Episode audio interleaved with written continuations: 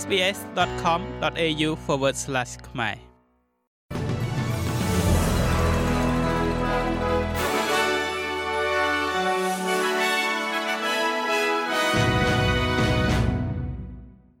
សូមស្វាគមន៍មកកាន់នេតិព័ត៌មានខ្លីៗរបស់ SBS ខ្មែរសម្រាប់ថ្ងៃច័ន្ទទី16ខែតុលា ឆ្នាំ2023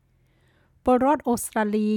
250នាក់ផ្សេងទៀតត្រូវបានជំនះចេញពីប្រទេសអ៊ីស្រាអែលខណៈដែលស្ថានភាពសន្តិសុខនៅទីនោះនៅតែបន្តធ្លាក់ចុះ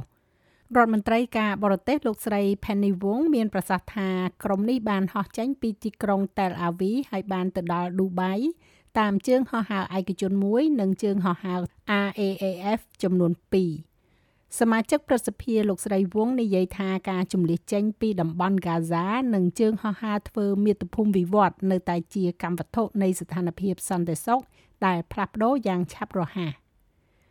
មួយទៀតនោះពាក់ព័ន្ធជាមួយនឹងវិធានការនៃសម្លេងជនជាដើមភាគតិចទៅកាន់សភាភាគីទាំងសងខាងនៃយុទ្ធនាការ The Voice បានសន្យាថានឹងបង្ហាញវិធានការថ្មីៗ ដើម្បីបិទគម្លាតការចាញ់ប្រៀបរបស់ជនជាដើមភាគតិច បន្ទាប់ពីការបោះឆ្នោតប្រជាមតិបរាជ័យគេរំពឹងថាលោកនាយករដ្ឋមន្ត្រីនិងរដ្ឋាភិបាលរបស់គាត់នឹងប្រឈមមុខទៅនឹងសំណួរពីគ្រប់ទិសទី អំពីការបោះឆ្នោតដែលបរាជ័យនេះដែលបានចាញ់នៅគ្រប់យុត្តាធិការទាំងអស់លើកលែងតែ ACT មួយចេញនៅពេលដែលសភាចាប់ផ្ដើមឡើងវិញនៅថ្ងៃច័ន្ទទី16ខែតុលានេះអ្នកបោះឆ្នោតប្រហែលជា40%បានគ្រប់គ្រង The Voice ក្រុមប្រឆាំងបានវាយប្រហារលោក Anthony Albanese សម្រាប់ការបន្តការបោះឆ្នោតប្រជាមតិនេះនៅពេលដែលការស្ទង់មតិបានបង្ហាញថាវានឹងឆ្ពោះទៅរកការបរាជ័យទៅហើយនោះពួកគេបានចោទប្រកាន់លោកពីការបែងចែកជាតិសាសន៍ជាជាងការជំរុញតែមួយគត់នៅក្នុងការទទួលស្គាល់រដ្ឋធម្មនុញ្ញជានិមិត្តរូបដែលពួកគេបាននិយាយថាពួកគេអាចនឹងគ្រប់គ្រង រដ្ឋាភិបាលនិយាយថាខ្លួននឹងបន្តស្ដាប់ជនជាដើមភាគតិច Aboriginal និងអ្នកកោះ Torres Strait ហើយធ្វើការឈ្មោះទៅរកការអនុវត្តការផ្លាស់ប្ដូរដែលអាចបង្កើតនូវភាពខុសគ្នាព័ត៌មានបន្ទាប់ពាក់ព័ន្ធជាមួយនឹងការបង្ក្រាបទៅលើរូបិយវត្ថុ crypto របស់ប្រទេសអូស្ត្រាលីដែលកំពុងចាប់ផ្ដើមដំណើរការដោយរដ្ឋាភិបាលបង្ហាញពីជំហានបន្ទាប់របស់ខ្លួនឆ្ពោះទៅមុខនៅក្នុងការដេញថ្លៃដើម្បីគ្រប់គ្រងរូបិយប័ណ្ណ digital ។ លោក Heranyck Jim Chambers បានបង្ហាញសំណើរបស់លោកដើម្បីធ្វើការដោះដូរ crypto និងវេទិកាទ្រព្យសកម្ម digital ដែលស្ថិតនៅក្រោមច្បាប់សេវាកម្មហិរញ្ញវត្ថុអូស្ត្រាលីដែលមានស្រាប់រដ្ឋាភិបាលក៏កំពុងតែស្នើសុំឲ្យប្រតិបត្តិការវេទិកានានាត្រូវតែមានអាជ្ញាប័ណ្ណសេវាកម្មហិរញ្ញវត្ថុអូស្ត្រាលីផងដែរ។ វេទិកាដែលកាន់កាប់លើសពី1500ដុល្លារនៃទ្រព្យសម្បត្តិរបស់បុគ្គលម្នាក់ឬក៏5លានដុល្លារនៃការសរុបរួមនឹងត្រូវបានគ្រប់គ្រងដោយវេទិកាដោះដូរនេះ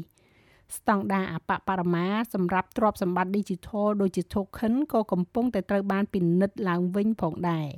ប្រហែលជាមួយភាគ4នៃប្រជាជនអូស្ត្រាលីមានកាន់រូបិយប័ណ្ណ crypto ឯកសារនៃសំណើនេះនិយាយថាវេទិកាអនឡាញមានទ្រព្យសម្បត្តិរាប់ពាន់លានដុល្លារនិងបង្ហាញឲ្យឃើញថាប្រជាជនអូស្ត្រាលីប្រឈមនឹងហានិភ័យសំខាន់សំខាន់ចុងក្រោយនេះពាក់ព័ន្ធជាមួយនឹងលទ្ធផលនៃការបោះឆ្នោតនៅប្រទេសនូវែលសេឡង់ គណៈបក National Party ដែលជាគណៈបកប្រឆាំងបានឈ្នះការបោះឆ្នោតនៅក្នុងប្រទេសនូវែលសេឡង់ដោយទទួលបាននៅអាសនៈគ្រប់គ្រាន់ដើម្បីបង្កើតនៅបកសម្ព័ន្ធមួយជាមួយនឹងសម្ព័ន្ធមិត្តរបស់ខ្លួននៅលើស្លាបស្ដាំនៃបកនយោបាយកាលពីថ្ងៃទី15ខែតុលាលោកនាយករដ្ឋមន្ត្រីដែលកំពុងកាន់អំណាចគឺលោក Chris Hipkins មកពីគណៈបក Labor បានទូរស័ព្ទទៅមេដឹកនាំគណៈបក National គឺលោក Chris Luxon ដើម្បីទទួលស្គាល់ចំពោះលទ្ធផលបរាជ័យនេះ។ លោកលូកសិនបានថ្លែងអំណរគុណដល់អ្នកបោះឆ្នោតឲ្យគណៈបក National ហើយបាននិយាយថាពួកគេបានឈានដល់ក្តីសង្ឃឹមនិងបោះឆ្នោតដើម្បីការផ្លាស់ប្ដូរ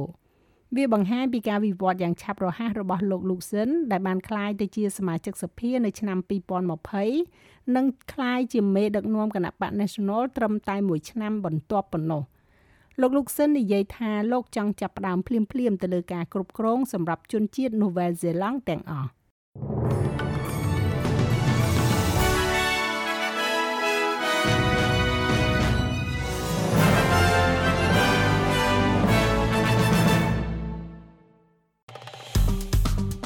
ចុច like share comment និង follow SPS ខ្មែរនៅលើ Facebook